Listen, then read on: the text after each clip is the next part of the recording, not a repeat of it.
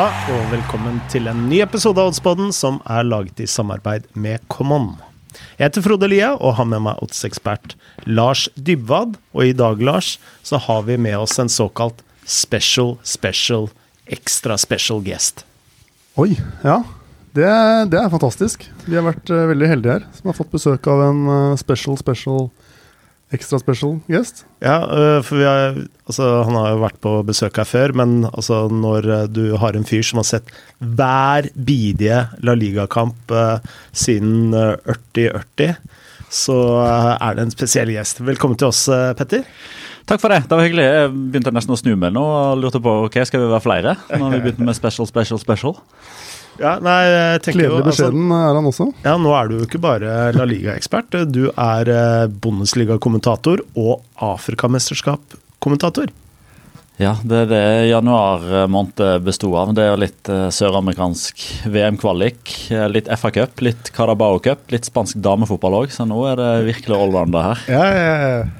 Hva er det som har overraska deg mest positivt? Snakker vi Afrikamesterskapet nå, eller generelt? Nei, så generelt. Altså ulike ligaer som du har eh, begynt å kommentere. Hvor ufattelig mye gøy og unyttig info man finner når man gjør research på eh, f.eks. Ekvatorial Guinea og Sudan og kvinnelaget til Alaves. Ja. Altså det, det, er så mange gullhistorier. Hva er favoritten? Altså Favoritten var liksom eh, den uh, ilende spenninga som gikk gjennom kroppen min da jeg fant ut at spiller nummer sju på Ekvatorial Guinea, som heter Ruben Belima, spilte én kamp sammen med Martin Ødegaard på Real Madrid Castilla i februar 2015. Der fant jeg liksom den knaggen som jeg kunne henge han på. Oi. 2015, ja. Ikke dårlig. Det får du si. Ellers jeg må si at uh, jeg bruker jo av og til NIFS, den norsk internasjonal fotballstatistikk, tror jeg det står for. Ja. Og da blar jeg med nedover for å se på hva slags kamper som er. En sånn veldig sånn tidlig odds-fase. Jeg har brukt den i må være 150 år snart, tror jeg. Mm -hmm. Og det, de plager meg litt, for de har ikke noe godt skille mellom uh, Primera for kvinner og Primera for menn. Nei, det, I rullegardina der så står det Primera divisjon på begge to. Det gjør det. Ja, men når du blar ned på, sånn på, i dag, ja. så hender det at jeg blir finta ut Jøss, er det La Liga-runde i dag? Og ja, det er, ikke, ikke, at det er noe bedre enn den kvinnelige varianten, men eh, jeg blir forvirra, rett og slett. Ja. Det var en veldig digresjon her, men uh, jo, men jeg ser den. Jeg har faktisk latt meg lure et par ganger òg. Nå har jeg gått inn og sett på innbyrdes oppgjør, f.eks. Uh, Alaves Atletico Madrid, og så står det her endte den 3-2 nå i høst. Og så tenkte jeg liksom sånn Nei, det kan ikke Ja, stemmer det! Ja, ja, ja, det var damefotball nå, ja. Mm. Ikke sant. Og noe av det som gjør det, er jo, og det er jo deilig, at lagene heter jo stort sett det samme. Ja, de har begynt å gjøre det, mm. eh, men det har jeg jo lagt merke til i researchen her nå. Når vi er tilbake til sånn 2014-2015 og sånn, da er det liksom Transalpines eh, og eh, Granadia og litt sånn. Nå er det liksom Granada og Saragossa. Ja, men det, det er deilig, syns jeg. Men eh, vi, i og med at vi har en La Liga ekspert eh, på laget, så må vi snakke litt La Liga. Og jeg har i hvert fall tre ting jeg lurer litt på. Punkt én er La Liga avgjort? Går Real Madrid og bare cruiser innom, eller er det håp for Betis? Eller Betis, tror jeg vel? Betis er mest riktig. Ja. Eh, vi skal vel til den andre delen av Sevilla for å finne det laget som har mest sjanse, som jo er Sevilla. Ja. Um, selv om det nok hadde vært enda gøyere om Betis hadde gjort det. Uh, sant? Og får klapp på skuldra av eh, Alexander Schou neste gang jeg ser han. Um, ja, for Sevilla ligger nummer to, ja. Ja, ja. Uh, og det er ikke så veldig stor avstand der. Og Sevilla har hjemmekamp mot Real Madrid mm. i det som gjenstår av sesongen. Og nå har vi jo nettopp lagt bak oss et overgangsvindu der Real Madrid gjorde nada. Så der er liksom status quo. De er mhm. like gode nå som de var eh, på papiret. Sevilla er bedre. Ja. Eh, med tanke på at de da har henta Tecatito Corona, og ikke minst Antony Marcial, der det ligger um, altså Man kan selvfølgelig argumentere for at det kan bli et tapsprosjekt, i form av at man henter inn en spiller på masse, eller på, på høy lønn, som mm. gjør at det, eh, kanskje kan bli noen fraksjoner i spillergrupper som kan ja, bli litt misfornøyd med at det kommer en mann inn og tar så mye av lønningsbudsjettet, men Og vært veldig variabel i Manchester United. Ja, definitivt, men potensialet er stort, og jeg ser på han som en sånn perfekt La Liga-spiller. Mm. Eh, der det stilles litt andre typer krav, der det kan være andre attributter som, eh, som fører til at eh, man blir den beste utgaven av seg sjøl. Mm. Men det er Betis, Sevilla, Real Madrid det står Ja, Atletico Madrid er hekta av, Barcelona er hekta av. Så, um, så, sånn sett, altså, skal ikke sitte her og late som at det er mer spenning enn det er. Real Madrid er store favoritter, mm. uh, men de kan ikke hvile på laurbærene. Det kan de ikke. Spørsmål nummer to. Uh, det handler egentlig om to lag. Elche og Levante. Mm. Er det de mest undervurderte lagene nå, med tanke på litt trenerbytter og sånt? Uh, ja. i La Liga akkurat nå? Sånn fra et odds-perspektiv, da. Ja, uh, interessant. Ja, uh, kanskje spesielt Levante. hadde dette her vært en, en jeg håper å si, travpodden, så hadde vi vel sagt at Levante er bedre enn Raden. Eh, for vanligvis hvis du har eh, travhester som stiller til start som enten står med null eller stolpe, så har man som regel hatt litt uflaks, eh, mm. og det har Levante hatt over tid nå. Kan man selvfølgelig si at hvis man har uflaks over tid, så er man rett og slett ikke gode nok, men hvis man ser på expected goals i stort sett alle kampene man taper, så er man enten på høyde eller bedre. Mm. Um, men, men, etter hvert da, så går det jo Det blir jo en sånn mental greie der, sjøltillitsgreie. Og jeg syns det overgangsvinduet de gjorde, var svært skuffende. Kun én mann inn, Martin Cáceres. Uh, Eh, langhåra uruguayaneren. Han, han, kan jo bidra til at de kanskje slipper inn litt mindre mål, men det jeg eh, føler de burde ha gjort enda flere ting, eh, med tanke på at det da er syv eller åtte poeng opp til en trygg plass. Vi ser jo dessverre her på Camona at uh, Levante spiller hjemme mot Real Betis. Mm. Og Betis står faktisk til to i odds borte mot Levante, som jo er Hvis man bare ser på tabellen da, og raden, så er jo to, virker jo to odds rimelig høyt mot et lag som har hva da, 11 poeng.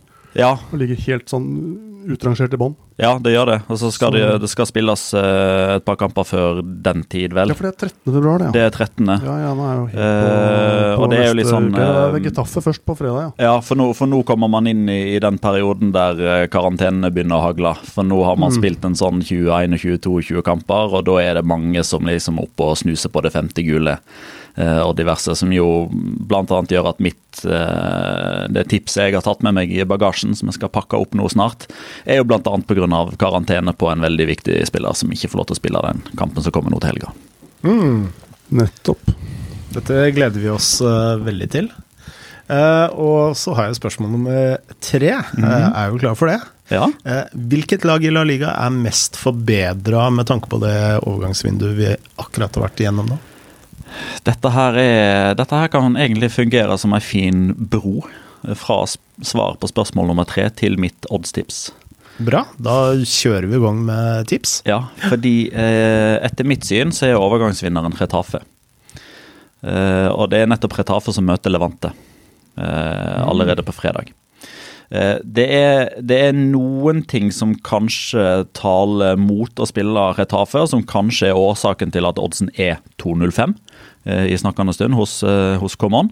Eh, kanskje burde den vært litt lavere med tanke på hvor bra Retafe har vært nå de siste to månedene etter at de bytta trener. Ja. Og så har ikke Levante helt fått den effekten ennå. Jeg tror kanskje det tar enda litt mer tid før vi begynner å se at Levante leverer resultater og de omsider klarer å vinne noen kamper på rad. Det som taler litt mot det, for å ta det først, er at Retafe har tre uruguayanere som akkurat nå, as we speak, sitter på et fly over Atlanteren. Mm. De kommer litt seint tilbake igjen, eh, og Retafe har egentlig vært fly forbanna på La Liga for at de har satt opp deres kamp allerede fredag, mm. når de har hatt tre søramerikanere som har vært i Eh, i, eh, i landslagsbobla med, med, Uruguay. Men det er liksom skrevet under steinen, har holdt på å si, at, eh, at i hvert fall en av de kommer til å spille for straffe. Han har ikke fått noe særlig kampbelastning, Mauro Arambari. og så er det Damian Suárez og, og Mathias Olivera på, på venstrebekken. Men det som gjør at jeg mener at de overgangsvinnerne, er jo at de har fått inn Borja Majoral. De har fått inn Oscar Rodriguez, de har fått inn Gonzalo Villar, eh, som er tre spillere som har et uforløst potensial. Alle er spanske. De kjenner til den spanske fotballen fra før av. De kommer fra henholdsvis eh, altså To av de kommer fra Roma, og den tredje kommer fra Sevilla, så de er henta fra større klubber der de har hatt en fin treningshverdag.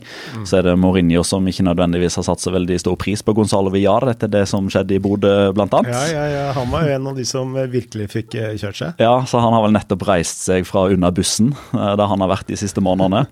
Eh, men, eh, men Kike Sanchez Flores han, eh, han, kan man si mangt om. Jeg er ikke nødvendigvis kjempefan av den fotballen han står for.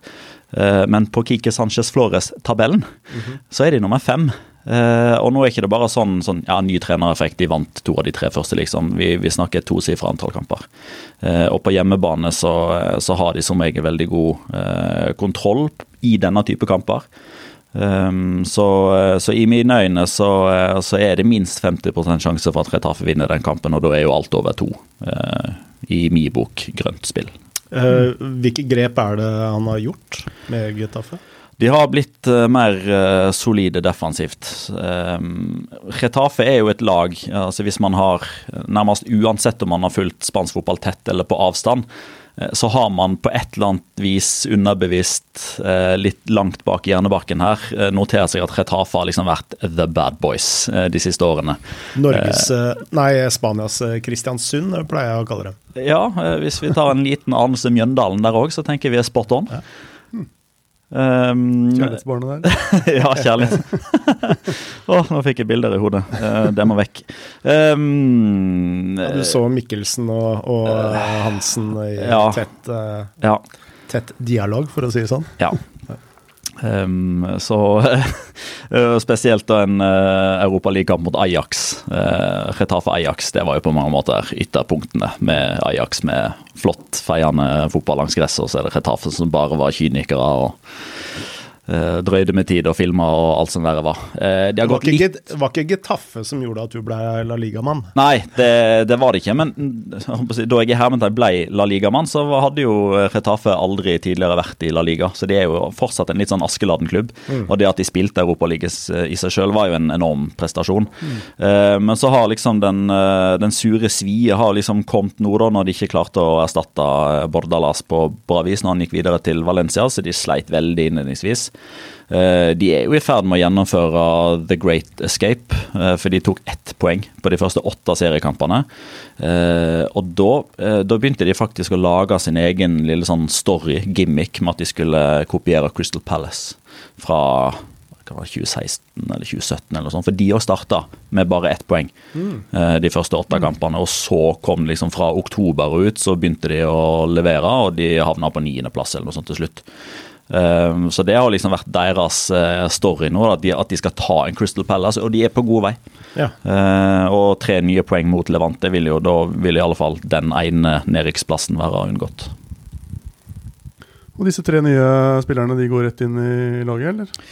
Ja, det, det blir nok en sånn uh, I utgangspunktet så styrker det troppen, som gjør at de spillerne som kanskje har tatt plassen litt for gitt, Eh, de begynner nå å se seg over skuldra og tenker at ok, hvis jeg ikke presterer nå, så er det faktisk ikke sånn at jeg får tillit neste helg. Mm. Eh, for både Sandro Ramires og spesielt Enes Unal, som har vært de to antatt beste angriperne, eh, de har bare levert litt sånn stykkevis og delt. Og så ble eh, Borja Majoral og Oscar Rodriguez henta og satt på benken, og begge to skåra i den første kampen. Eh, og så var begge de to eh, passerne nok suspendert i forrige kamp, da de fikk med seg ett poeng bort mot Real Sociedad.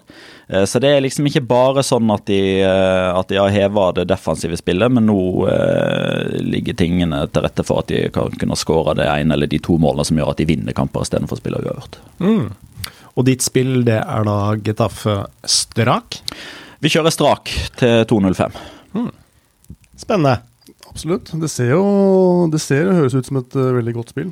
Mm kan kanskje være verdt det hvis man, hvis man, har is i magen. Altså, jeg tror ikke det er noe fare for at oddsen blir spilt ned. eller noe sånt. Det, det er ikke noen sånn der eh, løp og kjøp-variant dette her, at uh, oddsen mm. kommer til å stå på 1,70 når, når avsparket er. Men hvis man har litt is i magen, så kan man se an lineups. Eh, altså, hvis verken Damian Suárez, Mathias Olivera eller uh, Mauro Arambari er, er, med, og det f.eks. da er Florentino Luis eller um, Ja, hvem skal vi ta som et eksempel? Hvis hvis det er eh, Erik Kabakko f.eks. Som, som kommer inn, og ikke en av de tre nye som vi nevnte, Oscar Majoral eller Viar, så kan det kanskje være mulig å, å stå over eller være sparsommelig med innsatsen. Men hvis de kjører på, sånn som vi har spådd nå, så, så, skal det være gode muligheter for hjemmeseier.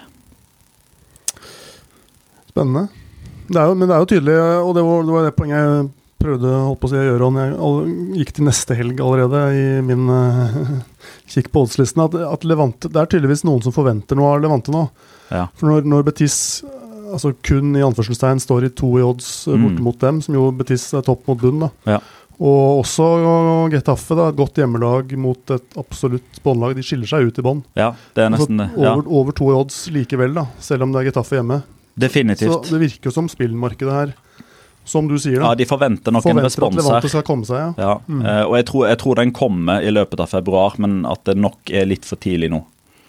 Eh, Allerede i den første kampen. Nettopp. Så vi går mot nå, og så kanskje Ja. vi går på Levante Prøver liksom å finne den perfekte timinga og Ja. snu Levante-trenden. Et Nice. annet eh, lag jeg lurer litt på, det er Rayo Valucano hjemme. Mm. Uh, altså, de er vel det nest beste hjemmelaget i hele La Liga. Ja. Men uh, hvis vi går uh, til neste helg, da, ikke førstkommende helg, så står de til over eh, 2,20 i odds mot eh, Osasona Mm. hjemme. I utgangspunktet, hvis man utelukkende ser på tallene, så er det jo eh, stor verdi på hjemmeseier. Men her tenker jeg jo at markedet forventer en, en twist her. Der man kanskje føler at Levante er det laget som har underprestert mest. Som ligger lengst unna der de skal være, i negativ forstand. Så er nok Rayo Vallecano det laget som har overprestert. Ja. Uh, og den hjemmestatistikken den, den er fantastisk, men den fikk seg en knekk nå mot Atletic. Uh, og dette er ikke noe jeg har uh, forska på, eller jeg kan ikke slenge noe uh, dokumenterte tall i bordet her nå, men jeg har en, uh, sånn, eh, en følelse av at når en sånn type statistikk først ryker, så ryker den ordentlig. Ja. Fordi nettopp det at statistikken har vært så bra, har vært noe som enhver spiller, hele kollektivet, fansen, hele omgivelsene har vært så klar over at ah, kan Vallecano ikke tappe hjemmebane ennå. Og da fortsetter den trenden kanskje litt kunstig lenge, men når den først, når demningen først brister, så er det masse vann som flommer inn. Det er liksom ikke bare noen dråper. Eh, og noen ganger, eh, og spesielt i Spania, så har jeg lagt merke til at hvis det er to lag som trender som møtes, så slutter gjerne begge trendene samtidig. Altså de sparker litt bein på hverandre. Ja. For eksempel hvis lag nummer tre og fire møtes, og eh, vinneren får hengt på serielederen, så ender den kampen veldig ofte uavgjort. På samme måte som, eh, for å ta Rayo og Sassona som et eksempel, og i et forsøk på å forstå hvorfor oddsen er som den er, så er det jo det at Rayo Vallecano har vært fantastisk gode på hjemmebane, men tapte nå sist. Man forventer kanskje at den hjemmestatistikken etter, etter hvert nå begynner å flate ut, må begynne å, å normalisere seg. Mens Osasona de satte jo først ny klubbrekord i positiv forstand ved ikke å tape noen av de første seks bortekampene, var det vel. Jeg tror de vant de fire første. Og så gikk de seks bortekamper bra uten å skåre et eneste mål og satte ny negativ klubbrekord. Og så slo de Granada 2-0 sist borte. Eh, så der er det liksom sånn eh, hvis man, eh, hvis man ser det litt utenifra og inn, uten å ha noe kjennskap til om Falcao er i form, eller om Alvaro Garcia er den som starter på venstrekanten til Rayo Vallecano, eller om det er Darko Brasanac som spiller sentralt på midten for Sasona. Så tallene, trenden, indikerer kanskje litt at her, her har ting snudd. Ja. Ja, og det er, jo, det er jo litt det vi oppfordrer til her på Oddspod nå, å, gå litt videre enn å bare se på tabeller og, og formrader osv. Og, Ja. og kikke litt dypere inn, og sånn som du gjør. Du, du kan jo alt om alle spillerne i La Ligaen. Det, det er kanskje ikke nødvendig, men eh, sånn som jeg, da, som elsker å lese engelske lokalaviser fra Hull og Scunthorpe osv. Ja, det er nett. Jo, men bare det å for plukke opp da, at det var litt beef på trening dagen før kamp. Litt dårlig stemning. Ja. Ok, Og så er det de to som skal danne den sentrale midten eh, dagen etterpå. Bare, bare det kan jo flytte oddsen noen desimaler. Absolutt. Og da blir det også veldig mye morsommere å spille odds når man tar det eierskapet på kunnskapen, og ikke bare f.eks. høre på oss eller ser i avisen eller følger noen på Twitter eller noe. ja, ja, er, det er herlig. Eh, Jeg lurer på om jeg skal ta en, eh, i og med at jeg også har et spill i eh, La Liga. Og istedenfor at jeg presenterer en argumentasjonsrekke, så lurer jeg på om Petter skal få lov til å dissekrere spillet. Ja, dissekrere, ja. Eh, hva kaller vi det på ordentlig norsk, Lars? Ja, vi, som- vi som kan norsk, sier dissekere. Ja. Men det er greit med en ekstra. Er Her i Oddsboden. Så har vi ikke Google Translate, eh, vi har uh, Dybwad Translate. Ja, jeg mener jo Elkje er et av de lagene som Jeg er veldig opptatt av å se formtrender, da. Uh, og Elche er et uh, sånn type lag som jeg tror er uh, kraftig forbedra akkurat nå. Eh, og hvor eh, oddsmarkedet henger, eh, henger litt etter. Så er jo også Common markedsledende på, på oddsen her. Eh, 1,70 odds på Drone Wall Bet mot Alaves hjemme. Mm. Er det et bra spill, tenker du, Petter? Ja, jeg syns det. det. det. var topp tre når jeg skulle liksom komme med mine forslag her. Mm. Altså, jeg, falt jo ned på Retaffe. Eh, vurderte lenge et underspill i Barca Atletico, eh, og så var jeg òg på Elche. Mm. Eh, delvis fordi jeg deler din oppfatning av at Elche er på vei sånn opp og fram. De òg gjorde noen fine dealer siste dag av overgangsmarkedet, mm. men kanskje kommer den kampen litt for tidlig til at de bidrar. Altså Lucas Olasa på venstrebekken, blant annet. Eh, men de har sett de har sett friske ut under, under, Francisco. Levert gode kamper og resultater mot Real Madrid. Eh, og det er klart Hvis de klarer å gjenskape det, så, så skal Alaves feies av banen. Mm. Eh, altså føler jeg kanskje at dette er et, vel så mye et spill mot Alaves. Eh, ja, for det er tynnsuppe. Altså, det er altså så nakent og så kjedelig, det de holder på med der. Ja. Men det er liksom eh, Noen ganger så har man bare én spiller som er den eh, spilleren som bare sørger for at korthuset ikke kollapser fullstendig. Og hvis man er uheldig og spiller mot Alaves, og Joselo har en god dag, så er han verdens verste menneske. Mm. For Joselo kan altså Det er jo bare han som skårer mål for Alaves. Mm. Eh, og blir han fora med nok innlegg, så skårer han til slutt. Men eh, forhåpentligvis så klarer Altså, det er jo Elche klar over, så de legger forhåpentligvis en god plan mot det. Hmm, ikke bra. Eh, har du noen flere spørsmål om uh, La Liga? For jeg, jeg, kom på nemlig ett til. Nei, nei det, jeg har jo forstått en kamp vi kunne snakke litt om. Men du, var du ferdig med oddstipset ditt? Eller var det, du, var, du, fikk det verifisert, og så var du fornøyd, eller? Ja, da ja, var jeg fornøyd. Da bokfører vi det. Elche draw no bet 1,70. jeg var inne og lukta litt på Betis uh, drone no bet òg, men uh, Villar, eller ditt kjære kjære Villarreal mm. har også gjort et bra overgangsvindu. Ja, veldig, veldig formsterkt. Ja. Eh, og jeg håper si eh, Skulle jeg ha hatt et fjerde valg, så hadde kanskje Betis vært det. Eh, men i enda litt større grad enn Retafe, så er Betis litt sånn OK, hvor står de når stort sett halve troppen Eh, har vært i Sør-Amerika. Mm. Eh, for, eh, for, Argentina bl.a. og et par spillere i Mexico. I tillegg så spilles det jo Copa del Rey-kamp for Real Betis torsdag kveld, som gjør at det er ganske kort mm. tid å, å, hente seg inn på. De har jo lov til å reise med 23 mann. Kamptroppen kan være 11 pluss 12, men bortimot Real Sociedad så reiser de bare med 18 mann. Så det er litt, litt på felgen der mm. for Betis sin del. Så til mitt spørsmål. Mm. Traoré og Aubameyang for eh, Barcelona. Ja. Er det riktig medisin? Uh, altså, det, det, kan godt hende at uh, at det viser seg å være riktig medisin, men akkurat nå så føles det som at man får uh, et middel på resept mot noe du ikke har. altså Du skal behandle et kne, men det er låret du har vondt i, liksom. Mm. Eh, det kan godt hende at det er Aubameyang og eller Traoré som viser seg å være helt avgjørende i mai, fordi de skårer eller bidrar med assist, og så tar Barcelona tredje- eller fjerdeplassen, liksom. Det, det, det, kan godt hende. Men jeg syns eh, totalbildet her er liksom at Aubameyang og Traoré er eh, bildet på hvor Barcelona står 2. februar 2022. Og de er ikke der de skal være, for å si det forsiktig. Mm. Um, det er jo selvfølgelig en veldig sånn svart-hvit uh, holdning. Uh, og det er klart Hvis, hvis en Barcelona-supporter hadde feira litt for mye da de vant Champions League-trofé i 2015 og vært i kunstig koma siden og våkna opp i dag. Mm. Og gud hjelpe meg, da tror jeg han hadde bedt om å bli satt i kunstig koma igjen.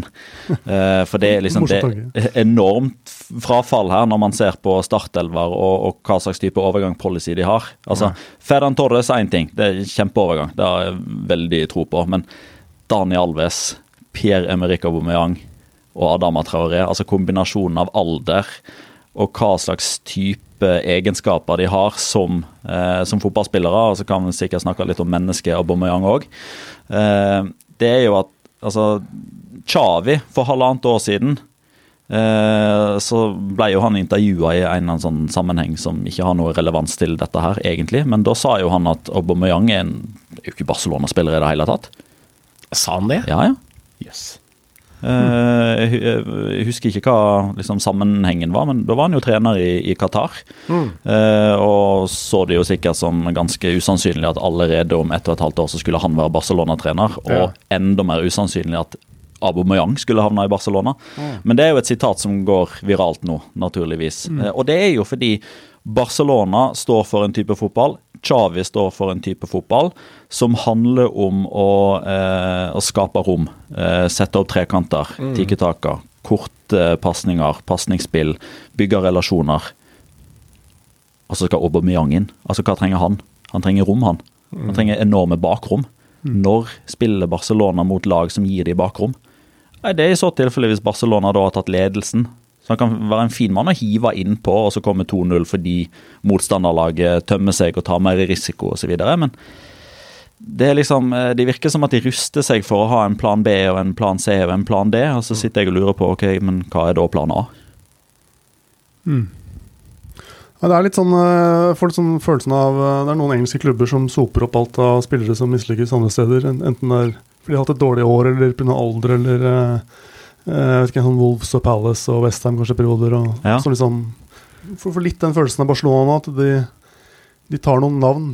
Ja, ja, og det har men, jo vært Spillere som ikke fungerer helt per i dag, men ja. det er det de kan få nå. da og det har jo egentlig vært trenden litt over tid. altså Kevin Prince Boateng ble jo plutselig henta inn uh, et januarvindu der. Paulinho, han fungerte jo faktisk. Uh, han hadde jo en famøs sånn eh, presentasjon hvor han skulle trikse med ballen, og klarte vel to. Stemmer det. Ja, var veldig godt å se for alle oss som kan trikse tre pluss. ja, nei, så det, det, er mye rart, men, men bevares. Uh, hvis vi liksom legger slaktekniven til side da, og, og ser på utgangspunktet til Barcelona Eh, altså 1.1, og så eh, hvor de står nå 2.2. Eh, så må man jo allikevel kunne gi en tommel opp, for vi ble jo forespeila at Barcelona ikke eide nåla i veggen, og at dette med lønnstak osv. gjorde det helt umulig for de å i det hele tatt hente spillere. Mm. Eh, og ja, Aubameyang Traoré Vi kan sikkert diskutere i timevis om de passer inn, om de er liksom de riktige Barcelona-spillerne, men at men at de kan bidra eh, til at de når målet sitt, som er å havne topp fire, ja, det kan godt hende. Ja, ellers praktiserer jeg eh, i forhold til deadline day og sånt, som er noe jeg ikke følger med på der og da. Jeg er selvfølgelig opptatt av hvilke spillere som går hvor, men som Odd-spiller så praktiserer jeg vi får vente og se åssen det går. Ja. Jeg pleier ikke å kjøpe eller selge odds basert på overganger, men uh, vi får se åssen det funker. Ja. Det, det, er vel det Barcelona Det er ofte litt lurt å gjøre det. Ja, det kan være litt lurt. Så, men det er gøy å mene Det er mye morsommere å mene ting før, før man aner noe om det. Da, ja, man legger litt, uh, man legger litt rykte og renommé i potten. ja.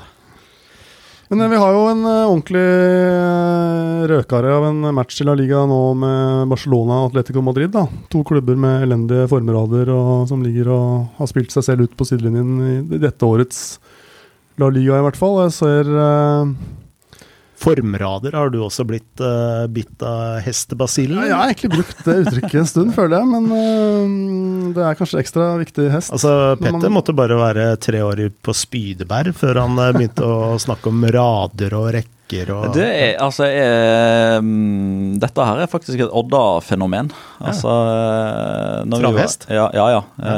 Det, var, det var meg og et par kompiser, Trond og Finn Bjørnar.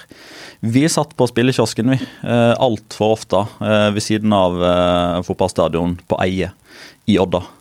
Sammen med en hel bøling med eldre herremann mellom 60 og 70. Jeg spilte mye på hest fra jeg var 13 til 17. Tenk deg den BSU-en kunne ha vært uh, smekkfull uh, i dag. tenk så stor den høyden kunne ha vært, den uh, formuen, hvis dette hadde gått bra. Ja. Eller enda bedre, eller jeg vet ikke åssen det gikk. Ja, nei, det, det, altså, det, var en grunn til at jeg slutta å spille på hest. Ja. Det var fordi det var et tapsprosjekt. Jeg hadde også Frode, nemlig to-tre år hvor jeg spilte mye på hest. Hvor jeg prøvde å, lagde, prøvde å lage systemer basert på data, satt timevis i Excel og mata inn manuelt. Og det er så gøy! Ting fra sånn travprogrammer og, og det var omtrent farge på hesten, og det var uh, underlag, og det var jockey, og det var varming, og det var siste selvfølgelig formrader, ja, ja. og siste tre og siste fem. Autostart eller voltestart. Siste tre på 1600 og siste fem på 2100, og voltestart og autostart. Ja, og ja, Det var uh, voldsomme greier. Brukte ufattelig mye tid. Kasta ikke noe av seg, men det var gøy. Selv om jeg vet jo knapt opp ned på en hest, men det trenger man ikke. Telefonregninga til besteforeldrene mine fikk kjørt seg på den Grøstad sin tipstelefon der. 800 nummer. Det var tider, man kunne ja. ringe disse numrene. Ja, ja. Teksten var jo full av disse tipstelefonene. Ja. Bra, vi ja, må komme oss uh, videre. Uh, ja, du, du hadde jo et spørsmål. Vi må høre litt om den matchen først, da, med Barcelona Atletico Madrid. Mm. Jeg har jo jeg, jeg følger jo La Liga litt sånn av og på, og har vel tenkt i mitt stille sinn at Barcelona er mer uh, i trøbbel enn Atletico Madrid. Så jeg så vi fikk over tre odds på Atletico der. Er det, men mm. ja, så var det dette med formraden til Atletico igjen. Da. Den er jo ikke akkurat sterk, selv om den har vært litt bedre umiddelbart nå i siste. Men ja, og så har jo altså Begge disse her fikk jo sene seire og eh, jeg håper å si, avslutta januar med. Eh, så de har jo liksom gått på treningsfeltet i ei uke og halvannen med en liksom god feeling nå, begge lagene. Barcelona som avgjorde seint bort mot Alaves og Valencia, eller Atletico som hadde en episk snuoperasjon mot Valencia. Eh, men jeg tror Atletico Madrid dro mer nytte av det, fordi altså egentlig alt all snakk, all skriverier som har vært om Atletico Madrid nå de siste ti dagene, har vært liksom at der så man liksom et potensiell snuoperasjon sesongmessig for Atletico Madrid. Ja. Fra 0-2 til 3-2, to mål på overtid. Eh, sånne episke jubelscener på Onda Metropolitano som kommer dagen før Simione slipper en dokumentar på Amazon Prime. Eh, intervjuer som har gått sin seiersgang, og dette er Atletico-ånden osv. Og, og så er neste kamp borte mot Barcelona, der de vant ligatrofeet i, i 2014. Eh, men det er jo én ting som, eh, som, står veldig sterkt imot, da, hvis man, eh, hvis man liksom tar alle faktorene inn, form, skade osv. Det er jo det faktum at Atletico Madrid ikke har vunnet på Camp Nou i La Liga-sammenheng på blir det 14-15 år. Ikke klart under Simione, i alle fall. Mm. Men før eller siden så kom jo altså All statistikk er jo til for å brytes. Og har man noen gang hatt et bedre tidspunkt å slå Barcelona på Camp Nou enn nå? Nei, det har man jo ikke. Eh, så jeg følger definitivt tankegangen der. Og eh, ganske Jeg vil tro at det blir veldig jevnt spilt, målfattig. Og da syns jeg eh, laget med høyest odds er mest fristende. Mm.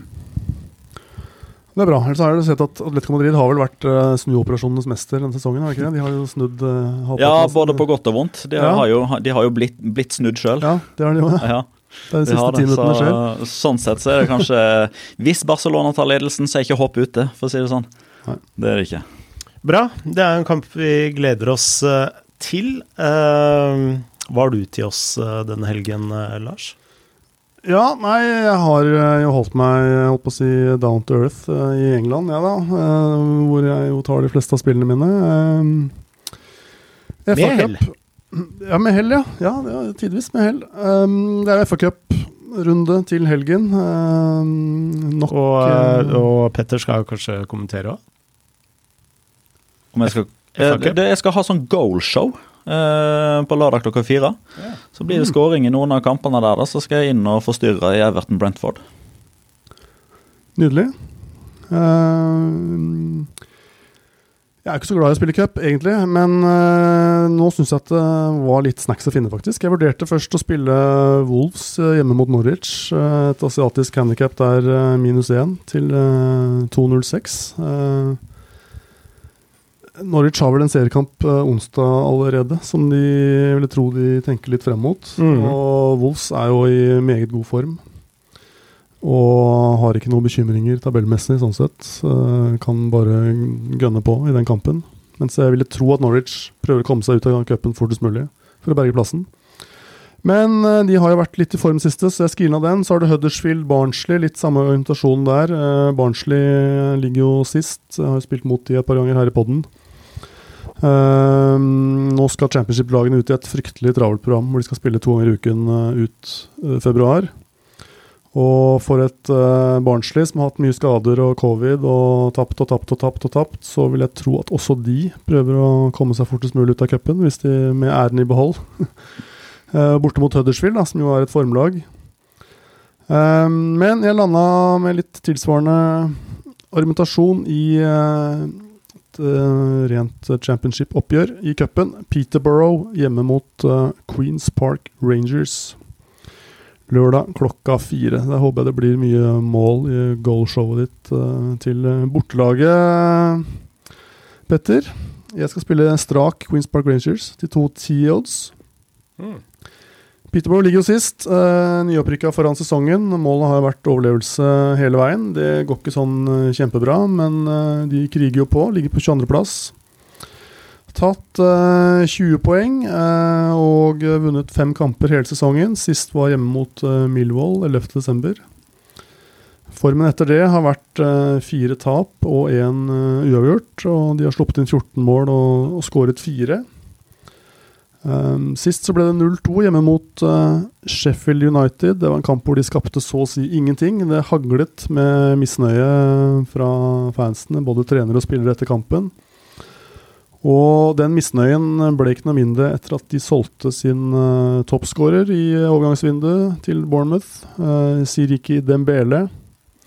Han er uh, delt toppskårer i Peterborough med hele fem mål, så det er ikke noe notorisk måljeger vi snakker om her. Men uh, så er det også Peterborough som er de som har skåret færrest, vel, i championship. Samtidig så nekta de sin kaptein Oliver Norburn en overgang til Blackpool, og han er etter sigende meget misfornøyd med det. Og Uh, Peterboroughs uh, Peterborough Gazette, eller hva den heter for noe, lokale avisen der, melder uh, melder om at Peterborough-styret har uttalt at de forventer at Norburn er profesjonell frem til sommeren, men at han har vært meget vokal med sin misnøye over situasjonen. Han var for øvrig også skada sist, sammen med midtbanekollega Jack Taylor, som begge er to faste spillere i denne nokså svake spillerstallen til Peterborough. Peterborough skal spille en nøkkelkamp onsdag, da. Uh, altså noen få dager etter denne cupkampen mot nedrykksrivalen Cardiff, og deretter er det to ganger i uka. Så at de stiller reservepreget i den matchen her, tar jeg nesten for gitt. Men det er jo noe man kan uh, eventuelt vente til uh, lørdagen med å sjekke, hvis man ønsker å ta, ta sjansen på at oddsen da eventuelt faller. I tillegg mm så var jo da styret i Peterborough for å virkelig høyne stemningen i en klubb som allerede er uh, mye misnøye, ute og avslørte at alle spillerne har klausul om lønnskutt ved nedrykk. Uh, og det vil jo tilsi, vil jeg tro, at spillertroppen syns det er mer interessant å, å prioritere ligamatchene, de også, enn denne cupgreia. Mm. Sist i cupen så slo de et skade- og covid-rammet Bristol Rovers, da, som ligger midt på tabellen i league 2. Det er jo det laget som eh, Joey Barton leder, som vi har snakka om tidligere her. Um, slo dem så vidt uh, eh, 2-1 hjemme i forrige runde, og stilte da et ganske sterkt lag. Uh, men da hadde de ikke spilt på tre uker, så jeg tror nok at det blir en helt annen rotasjon i det mannskapet nå. Møter et QPR-lag som er på fjerdeplass i championship, og et av de fire lagene som vel er hetest å rykke opp. Så Sånn sett så er jo selvfølgelig ligakampene viktigst også for uh, Queens Park. Men de er i kjempeform. Fem seier, en uavgjort på seks siste. Knuste Redding hjemme sist helg. Uh, har uh, for så vidt en viktig hjemmekamp mot Middlesbrough onsdag, så man skal jo følge litt med på laguttaket her òg. Det gjelder jo gjerne i cupen generelt. At man, uh, hvis man tør å vente til lørdagen, så kan det være lurt. Uh, jeg tar nå dette spillet tidlig. Uh, Mark Warburton, som leder QPR, er ikke kjent for å rotere så mye i cupene. Hvilte bare to spillere når de møtte Rollram sist i cupen. Og um, jeg tror han går for det. De er i såpass god form nå og møter et såpass dårlig lag at det vil være meningsløst å ikke prøve å ta seg videre her. Uh, eh, QPR har jo hatt uh, tre spillere i Afra-mesterskapet. Uh, to av de er tilbake til denne, og det er bare da Seni Dieng, førstekeeperen til Senegal. Andre. Andrekeeperen til Senegal, førstekeeperen til Chris Park. Ja, han sto åpningskampen da Mendy var ute med Nettopp. covid. Nettopp. Førstekeeperen til QPR i hvert fall. Han er jo fortsatt igjen i mesterskapet. De spiller vel Er det i kveld eller i morgen? De spiller semi? Det er i kveld, ja. Det er i kveld, ja. Så han eh, rekker vel uansett ikke hjem, men eh, de har jo da David Marshall i bakhånd der, QPR. 36 år og har stått en million kamper for forskjellige engelske lag. Og han Spilte har vel eh, under uh, Ole Gunnar Solskjær i Cardiff også? Ja, han har i hvert fall vært i Cardiff, så det matcher sikkert overens. Han har stått uh, fire kamper er det vel nå, og sluppet inn et mål. Det er jo solid og har respekten til forsvaret, og det er ikke noe problem. Så når du får over 2-10 i odds på en ren borteseier, syns jeg det er mer enn uh, godt nok. Jeg ville glatt tatt alt over uh, ja, 90-95 kanskje her, faktisk. Uh, jeg tror det er kjempeverdi. Og hvis man vil ha et tilleggsspill, så tror jeg under 0,5 Peterborough Mall til 2,90 også er høyst spillbart. Meget spennende spill, Lars. jeg har et filmtips. Det gleder jeg meg til. Ja, og det er uh, Big Ron Manager. som handler om eh, hvordan Ron Atkinson går inn i klubber og redder dem fra nedrykk. Og han eh, var faktisk eh, innom eh, eh, Peterborough. Og da snakker vi 90-tallet. Nettopp. Men utrolig underholdning. ja. Så Hvor er finner vi den? YouTube. På YouTube, ja. Ja, Big Ron på YouTube. Big Run, jeg tror det var to sesonger. Fantastisk TV. Helt uten filter. Og klarte han å redde De Porsche fra nedrykk? Kan jo ikke avsløre plottet. Ja. Jeg angrer tungt på at jeg spurte nå. Eh, vi skal jo gå gjennom eh, sist ukes eh, spill neste gang, når Torstein er tilbake. Kan vi gjøre. Eh, men før vi eh, takker av eh, Petter, så bør vi kanskje oppsummere spillene våre først. Ja, og det tenker du at jeg skal gjøre. Nå har jeg vært lat, ikke notert underveis. Men eh, jeg spiller i hvert fall eh, QPR eh, borte mot Peterborough. En strak B der, til 2-10 odds. Frode, du spiller uh, Elche, draw no bet, hjemme mot Alaves. Var det 1,70 odds hos uh, 1,70 Kamal? ja. Og Petter, du spiller Getafe hjemme mot Levante. Er det Getafe eller Getafe? Getafe. Getafe, ja. Tenkte meg det. Hetaffe. Ikke Chetaffe. Getafe. Dette er ikke noe for deg. Det er Kjært barn har mange navn, vet du. 205. Chetaffe 205 hos uh, Camon. Bra. Da Ja. sier vi som vi alltid sier her i Oddsboden, Petter. Lykke til. Lykke til. God helg.